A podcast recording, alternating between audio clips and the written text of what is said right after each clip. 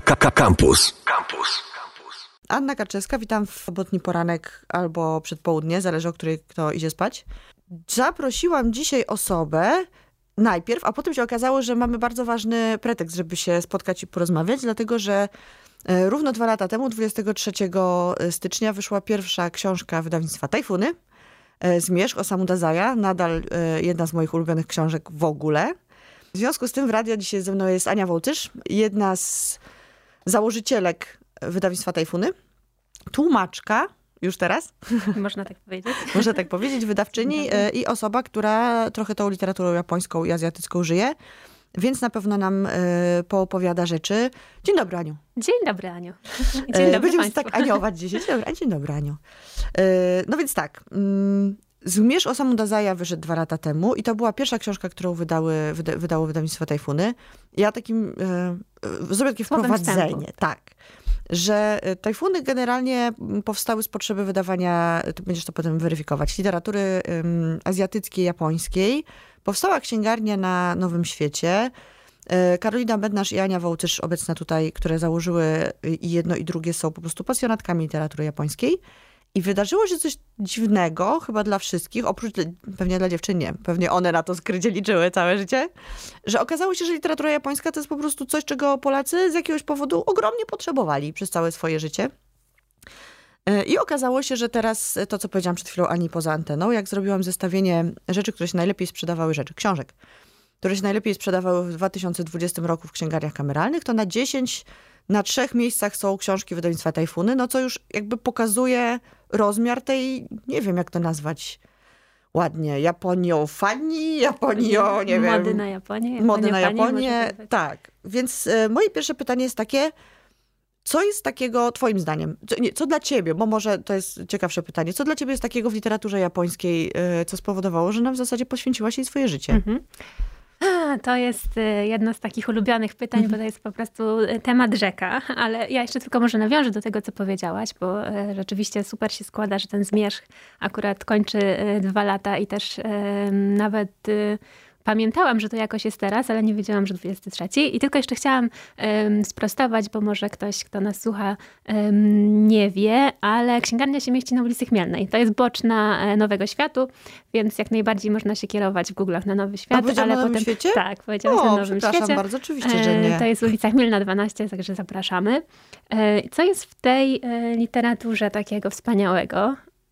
Trudno mi powiedzieć, a przynajmniej na pewno trudno powiedzieć tak y, dwoma zdaniami. U mnie ta fascynacja zaczęła się na pewno od języka japońskiego, mhm. bo trudno mówić o literaturze jakiegoś kraju, nie mając kontaktu z językiem, czy jakby zapominając o, o tym języku. Rzeczywiście jest to, e, jest to język, fascynujący, piękny też przez to, że, że pisany zupełnie inaczej. Oczywiście tak uproszczam, e, żeby było łatwiej zrozumieć, pisany zupełnie inaczej niż, niż język polski, czy, czy tutaj część języków, które możemy znać ze, ze szkoły, jak angielski czy francuski. Mm, ale też to jest język, którym ja się bardzo jakby zadomowiłam, czuję się dobrze i, i, bardzo lubię wyrażać swoje jakieś myśli i odczucia po japońsku. I chyba przez to właśnie jakoś tak naturalnie zaczęłam czytać to, jak japońscy pisarze e, formułują swoje myśli, e, opowiadają historię właśnie, właśnie po japońsku. Natomiast y, literatura japońska jest przeróżna i tam znajdziemy wszystko właściwie od takich przyjemnych, miłych opowieści, jak Ukochane równanie profesora, które podejrzewam znalazło się na tej topce tak, księgarzy kameralnych, po horrory, po powieści klasyczne, mm, które mogą zachwycać jakąś taką melancholią i, i spokojem, po zupełnie jakieś szalone współczesne, um, współczesną literaturę eksperymentalną. No właśnie pamiętam, jak zaczynałyśmy i, i rozmawiałyśmy z Karoliną o tym, jak ja ją spytałam, co jest takiego, że ja w ogóle w tej literaturze japońskiej lubię to właśnie, że ona jest taka nastrojowa i że oni przepięknie opisują y, naturę i też y, bardzo mnie to zawsze ujmuje, no przynajmniej ci, których czytałam oczywiście, bo jakby nie, nie czytałam tak dużo jak wy. E, y, pisarze, którzy są w stanie oddać nastrój swój albo swojego bohatera poprzez opis e, przyrody i natury. I to jest dla mnie coś, co mnie absolutnie wzrusza i co mi się bardzo podoba w tej literaturze.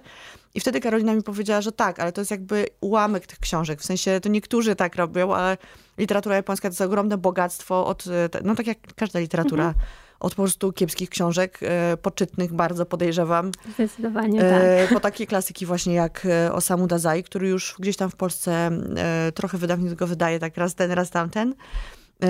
Ale, ale faktycznie no, jest, u mnie jest w takim no, ścisłym chyba topie, przez to, że jest taki smutny. Cieszę. U mnie też. No dobrze, a powiedz mi jeszcze, co jest takiego trudnego, bo musi być jakaś trudność, w e, tłumaczeniu i wydawaniu literatury japońskiej? No bo zakładamy, że literatura angielska jest łatwiejsza do tłumaczenia, no bo raz, że kontekst kulturowy jest bardzo podobny, czy jakieś takie podstawy kultury, a dwa, że jednak no dużo osób ten język, dużo więcej osób zna i posługuje się tym językiem. Mhm. Zacznę od tego, że tłumaczenie literatury, o czym myślę bardzo dobrze wiesz, to jest w ogóle bardzo trudny kawałek chleba. I to niezależnie od tego, o jakim języku rozmawiamy. Mhm tłumaczenie literackie z angielskiego e, jest często bagatelizowane właśnie przez to, że wszystkim nam się wydaje, że wiem, po angielsku oglądamy filmy albo nawet czytamy książki i, i, bylibyśmy w stanie mm, taką książkę przełożyć. A to jest nic bardziej mylnego, bo e, żeby tłumaczyć literaturę, trzeba rzeczywiście świetnie się czuć w tym języku, łapać mm, ogrom kontekstów, być oczytanym, ale też y, opisanym, mm-hmm. jeżeli, jest taki, jeżeli jest takie słowo, czyli bardzo dużo Jeżeli pisać. nie, to jest świetnym słowem i wprowadzamy go do słownika właśnie oficjalnie. y, i, to, I to niezależnie od języka, więc mm. jeżeli jakby to jest nasze główne założenie, to moim zdaniem już sama trudność tylko dlatego, że to jest książka pisana po japońsku, nie jest dużo większa niż, niż przełożenie e, książki z angielskiego. One są, To są mhm. tak samo trudne zadania, bo zakładam, że, że tłumacz, który porywa się na przełożenie książki z języka japońskiego, po prostu już e, można powiedzieć, żyje trochę w tym, w tym mhm. języku I, i, tak samo jak tłumacz z angielskiego, z norweskiego, z francuskiego um, jest świetnie obeznany i oczytany w tej literaturze. No i oczywiście są pewne cechy języka japońskiego, które sprawiają e, większe trudności niż mniejsze. Ale ja lubię tak przekornie odpowiadać, że no, wie pan, wie pani, no, co to za problem? No, mm-hmm. Języka japońskiego uczymy się x lat i, i kiedy e, wreszcie czujemy, że, że to jest ten moment, że możemy przełożyć jakąś książkę, no to po prostu mm, siadamy do tego zadania, zatracamy się w tym zadaniu i, i tłumaczymy. I nie jest to wcale aż, aż takie trudne, jak mogłoby się wydawać. Oczywiście nauczenie się japońskiego zajmie nam więcej e, lat niż, niż nauczenie się języka europejskiego, ale jak już bierzemy się za tłumaczenie, to myślę, że z pełną świadomością tego, e, że jesteśmy w stanie to zrobić i, i nie ma e, rzeczy niemożliwych i rzeczy trudnych. Nie wiem, czy mam się wgłębiać w te, w te trudności japońskie, czy, czy mamy na to czas i miejsce. Nie, myślę, na... że, że, że na pewno kiedyś e, w ogóle chciałam zrobić taką rozmowę o, o tłumaczeniach literatury i wtedy pewnie będzie na to trochę więcej czasu. Moją gościową, tudzież gościnią, jest Ania Wołcerz z e, wspaniałego wydawnictwa Tajfuny. Można to chyba powiedzieć, odniosło spektakularny sukces na rynku wydawniczym polskim. Można tak powiedzieć. Myślę, że można tak powiedzieć. Chcia, chciałybyśmy, tak, tak też o sobie myślimy yy, i, bardzo się cieszymy z tego. To przede wszystkim nas też chyba zaskoczyło. Wiedziałyśmy gdzieś tam w środku, że, że to ma jak najbardziej ręce i nogi i podstawy do tego, żeby, żeby chwycić właśnie dlatego, że nie było w Polsce wcześniej takich przedsięwzięć, takich inicjatyw i takich wydawnictw, które specjalizowałyby się w, w literaturze azjatyckiej, ale rzeczywiście gdzieś tam same sobie mówimy, że, e, że to i z jakim ciepłym przyjęciem, e, i to ze strony czytelników, jak i ze strony branży tak naprawdę, księgarzy, mm, czy też kolegów wydawców się spotkałyśmy, to nas bardzo zaskoczyło pozytywnie. E, mnie to nie zaskoczyło tak bardzo, bo gdzieś tam wierzyłam was od początku i wieszczyłam wam jakiś sukces. Natomiast faktycznie niesamowite jest to, że dziewczyny z wydawnictwa Tajfuny, siedząca tu Anna oraz Karolina, która siedzi gdzie indziej, wydają książki bardzo różne. I ja mam, ja prowadzę taki, nie wiem, czy już kiedyś wam o tym wspominałam, taki klub książkowy, który się nazywa Books and Boobs. Serdecznie dziewczyny po, pozdrawiam. E, I tam się bardzo często pojawiają książki tajfunów. I jest tak, że po prostu za każdym razem któraś z nas mówi na przykład nowa książka Tajfuny jest wspaniała i trzy osoby mówią nie, poprzednia była dużo lepsza. Więc Tajfuny są takim jakby koszykiem, z którego można wybierać i tak na 90% ktoś znajdzie coś dla siebie, dlatego że to są bardzo różnorodne rzeczy. No tak jak Karolina powiedziała, e, przepraszam, Ania powiedziała, Karolina mi siedzi teraz w głowie, bo, Częściej bo jest z mówi nami Karolina, nie ma. tak, to prawda. E, pozdrawiamy Karolinę też bardzo Pozdrawiamy, serdecznie. tak. Powiedziałaś o tym, że Ukochane Równanie profesora jest na, na, gdzieś na pewno w tej liście e, bestsellerów. Jest Ukochane Równanie, są, e, jest Cytryna, O, jest, to Jezu, już teraz sobie pewnie nie przypomnę co trzeciego. obstawiałabym zmierzch, ale mogę się Właśnie mylić. chyba nie, właśnie chyba w tych z tego roku nie. Ale dobra, to ja sobie to sprawdzę i, i będzie to na pewno gdzieś e, na książki kupuję kameralnie wrzucone. W każdym razie tak, Ukochane Równanie Profesora, hit sprzedażowy. Tak, to jest zdecydowanie hit sprzedażowy, bestseller. Książka Yoko Ogały, e, japońskiej pisarki współczesnej, napisana w 2003 roku, ale dopiero teraz przetłumaczona na, na język polski przez panią Annę Horikoshi. E, to jest hit, który tak naprawdę potrzebował trochę czasu, żeby gdzieś tam się na tym naszym rynku dobrze usadowić i dać poznać czytel- czytelnikom, ponieważ wydałyśmy go latem 2019 roku, a tak naprawdę w tym roku dopiero e, zobaczyłyśmy, jaka jest moc e, profesora i jego równania i jak bardzo czytelnicy ją pokochali, e, tę książkę i rzeczywiście mm, to jest, to jest książka bestsellerowa. Ale to jest też ciekawe, bo być może to jest odpowiedź na to, skąd się wziął sukces profesora w tym roku akurat. Bo to jest, kochani słuchacze i słuchaczki, to jest książka, którą ja lubię nazywać comfort bookiem. To jest książka, która jest miła, dobra, ciepła, o ciepłych uczuciach. Oczywiście no nie jest pozbawiona zupełnie jakichś takich, nie wiem, moralnych rozterek, czy nie wiem, jakichś pytań, które, na które warto odpowiedzieć. Natomiast to jest to książka o takim tak zwanym niskim progu wejścia. Znaczy, mo- może ją czytać tak naprawdę każdy. Moja mama jest zakochana w tej książce. Wiele osób, które znam, są zakochane w tej książce. Ja wolę e, zejść głębiej i brudu i ciemności i tak dalej, o czym zaraz pewnie jeszcze będziemy gadać. A teraz mam wrażenie, że ludzie w tym roku, który no, był dosyć paskudny dla wszystkich, być może po prostu potrzebowali takiej książki, która dawała im oddech i ciepło. Bardzo możliwe, bo rzeczywiście ym, po profesora sięgają wszyscy, począwszy od licealistów po, y, po naszych babcie i, i naszych dziadków. I też polecamy ją tak naprawdę każdemu, kto lubi matematykę, kto nie lubi matematyki, bo matematyka tam też gra bardzo ważną rolę i to jest też taki, myślę, baseball. tak, i baseball ym, i oba, oba te tematy są bardzo tak atrakcyjnie pokazane. No oprócz tego właśnie jakaś taka kameralność, takie coś, co czasami też widać u Harukiego Murakamiego, czyli to, że ta książka mogłaby się tak naprawdę dziać wszędzie, ym, pozwala wielu czytelnikom odnaleźć tam jakieś elementy wspólne i to, jak różni ludzie mogą tworzyć rodzinę niezależnie od trudności, które po drodze gdzieś tam napotykają i muszą przezwyciężyć. No więc e, Ukochane równanie profesora, Yoko Ogawa. Tak jest. E, I teraz druga książka wyszła, dobrze kojarzę? Tak. I m, na początku grudnia, właściwie koniec listopada, pojawiła się druga książka tej samej pisarki, Jokogały, e, Grobowa cisza, żałobny zgiełk. Więc O, tutaj tytuł, tytuł już trochę inne emocje wzbudza, ale to jest też bardzo piękna rzecz. Książka ni to opowiadania, ni to powieść. Tak naprawdę trafi i do tych, którzy lubią długie historie i tych, którzy wolą em, krótkie opowiadania, które zostawiają gdzieś jakiś taki element szoku na końcu, bo to jest taka powieść szkatułkowa, czyli każde opowiadanie później e, pojawia się i, i wraca w, w kolejnych em, tekstach. I tutaj takim motywem przewodnim mm, mieliśmy też em, wczoraj akurat spotkanie Tajfunowego Klubu Książkowego, bo też prowadzimy takie cykliczne spotkania o książkach, nie tylko naszych, ale ogólnie o książkach z Azji.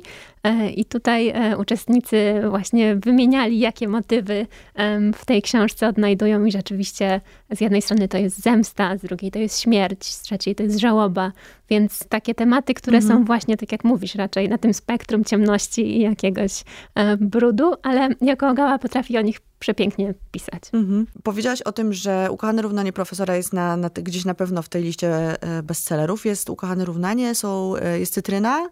Trzecią książką, która jest na liście jest oczywiście Gorączka Złotych Rybek, O. czyli druga moja ukochana książka, e, którą ty tłumaczyłaś, Tak więc jest. w ogóle wspaniale się to wszystko składa. Gorączka Złotych Rybek, nie przypomnę sobie teraz autora? To jest Kanoko Okamoto. O, no właśnie. No więc e, książka przetłumaczona przez Anię, książka, która e, moje serce zdobyła absolutnie, bo jest trochę o dążeniu do doskonałości, trochę o smutku znowu, co ja bardzo lubię. I tam są takie zdania piękne, jak, e, już teraz oczywiście nie zacytuję z pamięci, bo już to czytałam tam, nie wiem, z rok temu, ale są takie zdania, na przykład, że smutek przeleciał przez moje serce jak złoty smok. I to jest po prostu to, jest to za co ja te książki kocham absolutnie całym sercem. E, I rozumiem, dlaczego ta książka się znalazła na, tym, na tej liście, w cudzysłowie, bestsellerów księgar kameralnych, no bo to wiadomo, my nie jesteśmy empikiem, więc to jest trochę inaczej skonstruowana lista, ale, ale że ludzie chcą ją czytać i im się ta książka podoba, to jest chyba taki mój, e, no jedna z dwóch oprócz Zmierzchu właśnie mm. ukochanych książek. Ale wydałyście jeszcze teraz książkę, która mnie bardzo interesuje, e, która nie jest książką japońską. Tak, ukazała się w tym, e, nie w tym. Ja oczywiście mm. jestem jeszcze w starym kalendarzu, no bo to mm. styczeń to jest taki miesiąc rozbiegowy, ale to pomijmy. W zeszłym roku 2020 i teraz oczywiście wyjdę na nieprzygotowaną, ale to był chyba wrzesień. Ukazało się Ministerstwo Moralnej Paniki e, Amandy Lee Koe. To jest pisarka z Singapuru. E, ona co prawda dzieli swój czas między Nowy Jork a, a Singapur. Młoda, bardzo ciekawa i, i bardzo dobrze zapowiadająca się pisarka. Mhm. Queerowa dodajmy. Tak, to też dodajmy, jest że, e, ciekawe że queerowa to jest ciekawe i to jest ważne, ponieważ jej opowiadania są o miłości, mhm. o przeróżnych miłościach, w których właśnie płeć, wiek, e, status społeczny, pochodzenie etniczne, bo to w Singapurze mhm. jest też dosyć istotne, zupełnie nie gra roli. To są też fantastycznie, super wciągające, bardzo współczesne i myślę takie, które e, zainteresują e, szczególnie młodych e, i takich obytych w świecie czytelników. Ja się nimi zachwycam, są doskonale przetłumaczone przez Mikołaja Denderskiego. Właśnie chciałam to powiedzieć, to jest takie honorowa, honorowe wspomnienie tutaj o tłumaczu, który no, raz, że jest moi, jednym ostatnio z moich ukanych tłumaczy w ogóle z języka angielskiego, bo raz, że przetłumaczył mi Weinbergera, Eliota, którego kocham absolutnie, a dwa, że no, chwycił za Dawida Fostera Wallace'a mhm. i za Bladego Króla, więc to tak. jakby samo to już powoduje, że ja ściągam, gdybym miała kapelusz, a dzisiaj akurat nie mam, to ściągnęłabym go i zamiatała podłogę, bo to jest naprawdę ogromny szacunek. Tak jest. Pozdrawiamy pana Mikołaja Pozdrawiamy. I, i czekamy na więcej tłumaczeń. Macie wielkie, takie bardzo oddane grono fanów i fanek, i to jest też niesamowite, że udało wam się wokół e, wydawnictwa i księgarni zbudować po prostu społeczność ludzi, którzy te wasze książki kupują. I ja na przykład mam bardzo często, e, jak rozmawiam z, e, no z księgarzami, to akurat nie, bo oni już też są przez was inkorporowani do tego grona fanów, ale czasami spotykam się z takim, takim tekstem, że no, bo te książki Tajfunów są drogie i coś tam, bo one są jakby relatywnie w porównaniu z innymi książkami na rynku trochę droższe, ale mam wrażenie, że jakby udało wam się zrobić coś takiego, żeby, co niewielu wydawnictw wam się w Polsce udało, żeby tak wychować, w cudzysłowie oczywiście, bo to brzydkie jest, bo to zakłada jakieś, mhm. jakąś dyscyplinę, e, ale tak, żeście wytłumaczyły jakby na co, o co chodzi w wydawaniu książek swoim fanom i fankom, że oni jakby zrozumieli skąd się bierze cena książki. Te książki też są, nie wiem czy jest ktoś, kto nie widział żadnej książki wydawnictwa Tajfuna, jeżeli jest to natychmiast, niech biegnie do księgarni, nie do internetu i ją pomaca, bo to jest jakby bardzo istotne. Książki są przepięknie wydane, niesamowicie troskliwie przetłumaczone i zredagowane. Y, mają bardzo często teksty wstępu y, albo posłowia, które są też no, bardzo ważne w kontekście literatury, mm, kultury tak odległej jak y, kultury azjatyckie od naszej. I wydaje mi się, że ten, to, to, że się zrobiły tą, tą społeczność, spowodowało, że ci ludzie nie kwestionują waszych decyzji. I to jest dosyć niesamowite. Czy ty możesz mi powiedzieć, jak wyście to zrobiły? W sensie, jak to się wydarzyło, że macie jakby taką siłę przebicia do tych swoich e, nie wiem, przyjaciół w zasadzie, bo to już nawet nie są klienci za bardzo. Tak, my mówimy tak e, żartobliwie tajfuniątka, rzeczywiście to, to, to grono mm, tak zwanych obserwatorów, bo tak mówimy często w mhm. kontekście e, różnych kont i, i, i social mediów, e, że to są obserwatorzy, fani. My mhm. tak naprawdę uważamy, że to są tajfuniątka, czytelnicy i tak jak mówisz, tacy przyjaciele mhm. tajfunów i księgarni. To grono cały czas rośnie, dochodzą nowe osoby. To nas bardzo cieszy, bo też przeróżne grupy wiekowe tam, tam się mieszają i to są osoby, które chcą czytać, chcą dyskutować o tych książkach i, i to jest wspaniałe. Mi się wydaje, że trochę dlatego, że kiedy wyjdzie się do ludzi z takimi książkami, jakie oni chcieliby przeczytać, to oni rzeczywiście e, chcą je czytać i żadny tam spadek czytelnictwa e, nie ma znaczenia, tylko po prostu trzeba, trzeba wyjść, trzeba pokazać, trzeba dać szansę przeczytać e, takie rzeczy, które mm, czytelników zainteresują. I my od początku też działalności Tajfunów założyłyśmy sobie, że będziemy prowadzić biznes tak bardzo fair, jak to jest mhm. tylko możliwe, czyli po prostu totalnie fair, przejrzyście. Karolina też stawia sobie za zadanie, bo to głównie od niej wychodzą takie wiadomości. Ona też prowadzi podcast, prowadzi live'y, do których każdy może dołączyć i posłuchać o tym, jak produkuje się książki, jakie mhm. to są koszty, ile osób tak naprawdę jest zaangażowanych w to, żeby ta książka wyszła i żeby wyszła w takiej formie, jakiej mówisz, czyli rzeczywiście mhm. dopracowana do, w każdym najmniejszym szczególe. I, I rzeczywiście y, problem chyba bierze się stąd, że bardzo dużo osób nie wie, e, jak się produkuje książki, mhm. ile kosztuje praca poszczególnych osób zaangażowanych, i kiedy im się to wytłumaczy, no to oni wtedy mówią, aha, no rzeczywiście, nie pójdę do, do kawiarni dwa razy, ale, mhm. ale kupię książkę, którą chcę przeczytać i która wygląda pięknie i którą się dobrze czyta e, i będę wspierał te Tak, i nie kupuję w Biedronce, tylko w, mhm. w księgarni albo w wydawnictwie.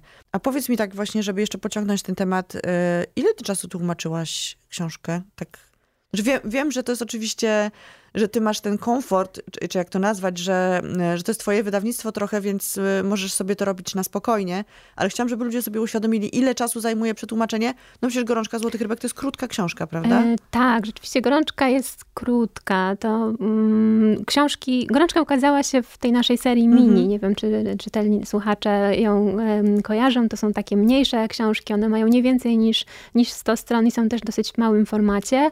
Um, Szczerze mówiąc, nie powiem ci dokładnie, dokładnie, ile ją mhm. tłumaczyłam, ale na pewno to było kilka miesięcy, ale takiej pracy mm, przerywanej. To znaczy, mhm.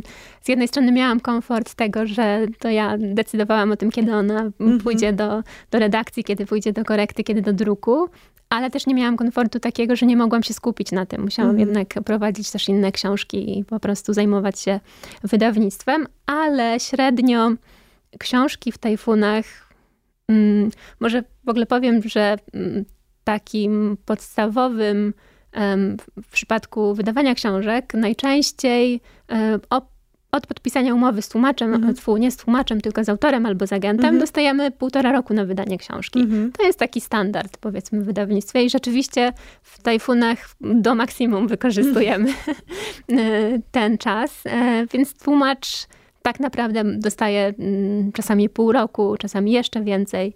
Najdłuższe tłumaczenia, które u nas powstawały, powstawały przez rok. Mhm.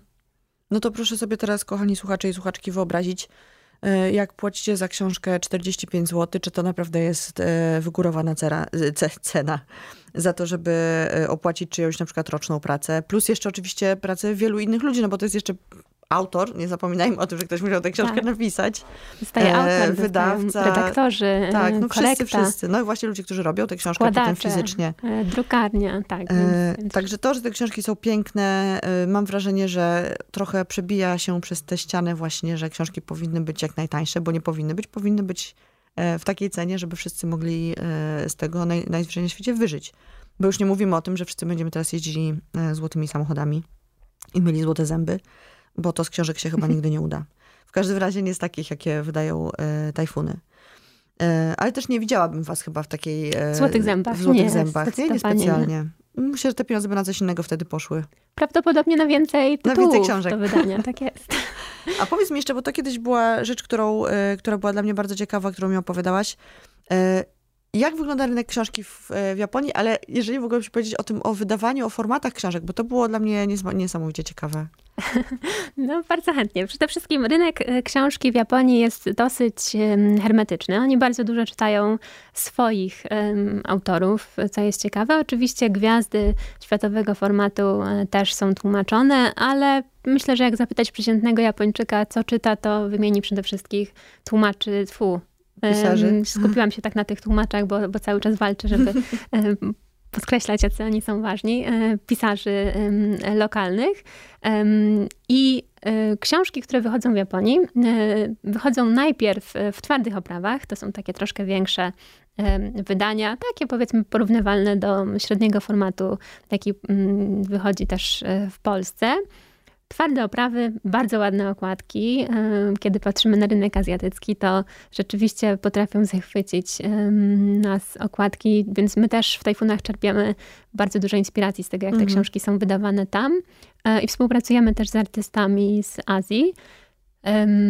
Po kilku latach, najczęściej to są trzy lata, czasami pięć lat, ta sama książka. Podkreślam, proszę Państwa, po kilku latach. Mhm. Ta sama książka wychodzi e, w tak zwanym formacie kieszonkowym, e, który się nazywa Bunkobon. E, bardzo urocza nazwa, którą lubię. Tak samo jak mhm. lubię te książki, bo to są rzeczywiście takie maleńkie wydania, które troszkę przypominają serię mini, są bardziej mhm. kwadratowe zunifikowane, tak jak to um, stereotypowo Wspaniałe. w Japonii e, wszyscy lubią, czyli wszystkie są tego samego formatu. Okładka może być ta sama, może być inna. Często to jest okładka filmowa, no bo jeżeli mhm. książka jest, e, przyjęła się, jest bestsellerem, no to zachęca twórców do tego, żeby zrobić film na jej podstawie. Mhm. Um, i akurat te, te trzy lata to jest tyle, żeby taki film czy serial wyprodukować, więc to się wszystko bardzo elegancko zgrywa. Tak. I powiedziałaś mi też kiedyś, jakie są mniej więcej koszty tych książek, że ta książka duża to jest koszt mniej więcej dobrego obiadu? Tak, to jest najczęściej 2000, czasem 3000 jenów. Mhm. Mm, I to jest taki rzeczywiście, można się porządnie najeść w takiej, powiedzmy, dobrej restauracji. Mhm. A ta mniejsza? A ta mniejsza to już jest na przykład 600 jenów, czyli mm. to już by było napój i coś słodkiego. No właśnie. I to są takie rzeczy, które, e, do których no w Polsce nie mamy co dążyć, bo to się nigdy nie wydarzy, tak, bo u nas nawet nie jesteśmy w stanie zrobić książek zachęcić wydawców, żeby wszystkie tytuły na książkach były w tę samą stronę na grzbietach. To jest, u nas jest po prostu wolna amerykanka. Do góry, do dołu, prawo, w lewo. Co jest jeszcze ciekawe i takie w sumie bardzo e, fajne w Japonii, to jest też to, że mm, rynek książek z drugiej ręki też jest bardzo e, dobrze rozwinięty i te książki w tych wydaniach kieszonkowych można kupić jeszcze taniej, na przykład za 100 jenów, a to już jest mhm. po prostu koszt zwykłej wody mineralnej w, w, sklepie, więc rzeczywiście zachęca to do czytania. Te wydania kieszonkowe są też bardzo wygodne, to znaczy pasują do damskiej torebki, mhm. można je zabrać do, do pociągu do metra, i w pociągu, pociągu no sobie czytać, więc mhm. widuje się sporo osób, które czytają, chociaż oczywiście smartfony tutaj też przebijają. No wiadomo. E, słuchajcie, no moglibyśmy jeszcze rozmawiać strasznie długo, ale oczywiście jak zwykle czas się kończy. E, ja sobie myślę, że, że z tajfunami się jeszcze będziemy e, widywać, być może właśnie w tym kontekście pracy tłumacza, bo to jest też coś, co mi bardzo leży na sercu i chyba od pracy tak naprawdę z wami zaczęłam doceniać te, to, co robią tłumacze, więc dziękuję wam za to bardzo. Kończymy audycję. Was zachęcam do spacerów i aktywności na świeżym powietrzu, a potem do czytania książek. Mm, w przyszłym tygodniu e, będę miała dla was niespodziankę i go, gościa slash gościówę niespodziankę, więc nic wam nie powiem. Być może zapowiem to w social mediach. E, bardzo dziękuję Ani za to, że ze mną porozmawiała i po, po, po, opowiadała. Również dziękuję. E, mróz wpływa źle na wszystko, również na aparat mowy. Bardzo wam dziękuję za uwagę i do usłyszenia za tydzień. Do usłyszenia. Słuchaj Radio Campus, gdziekolwiek jesteś. Wejdź na www.radiocampus.fm.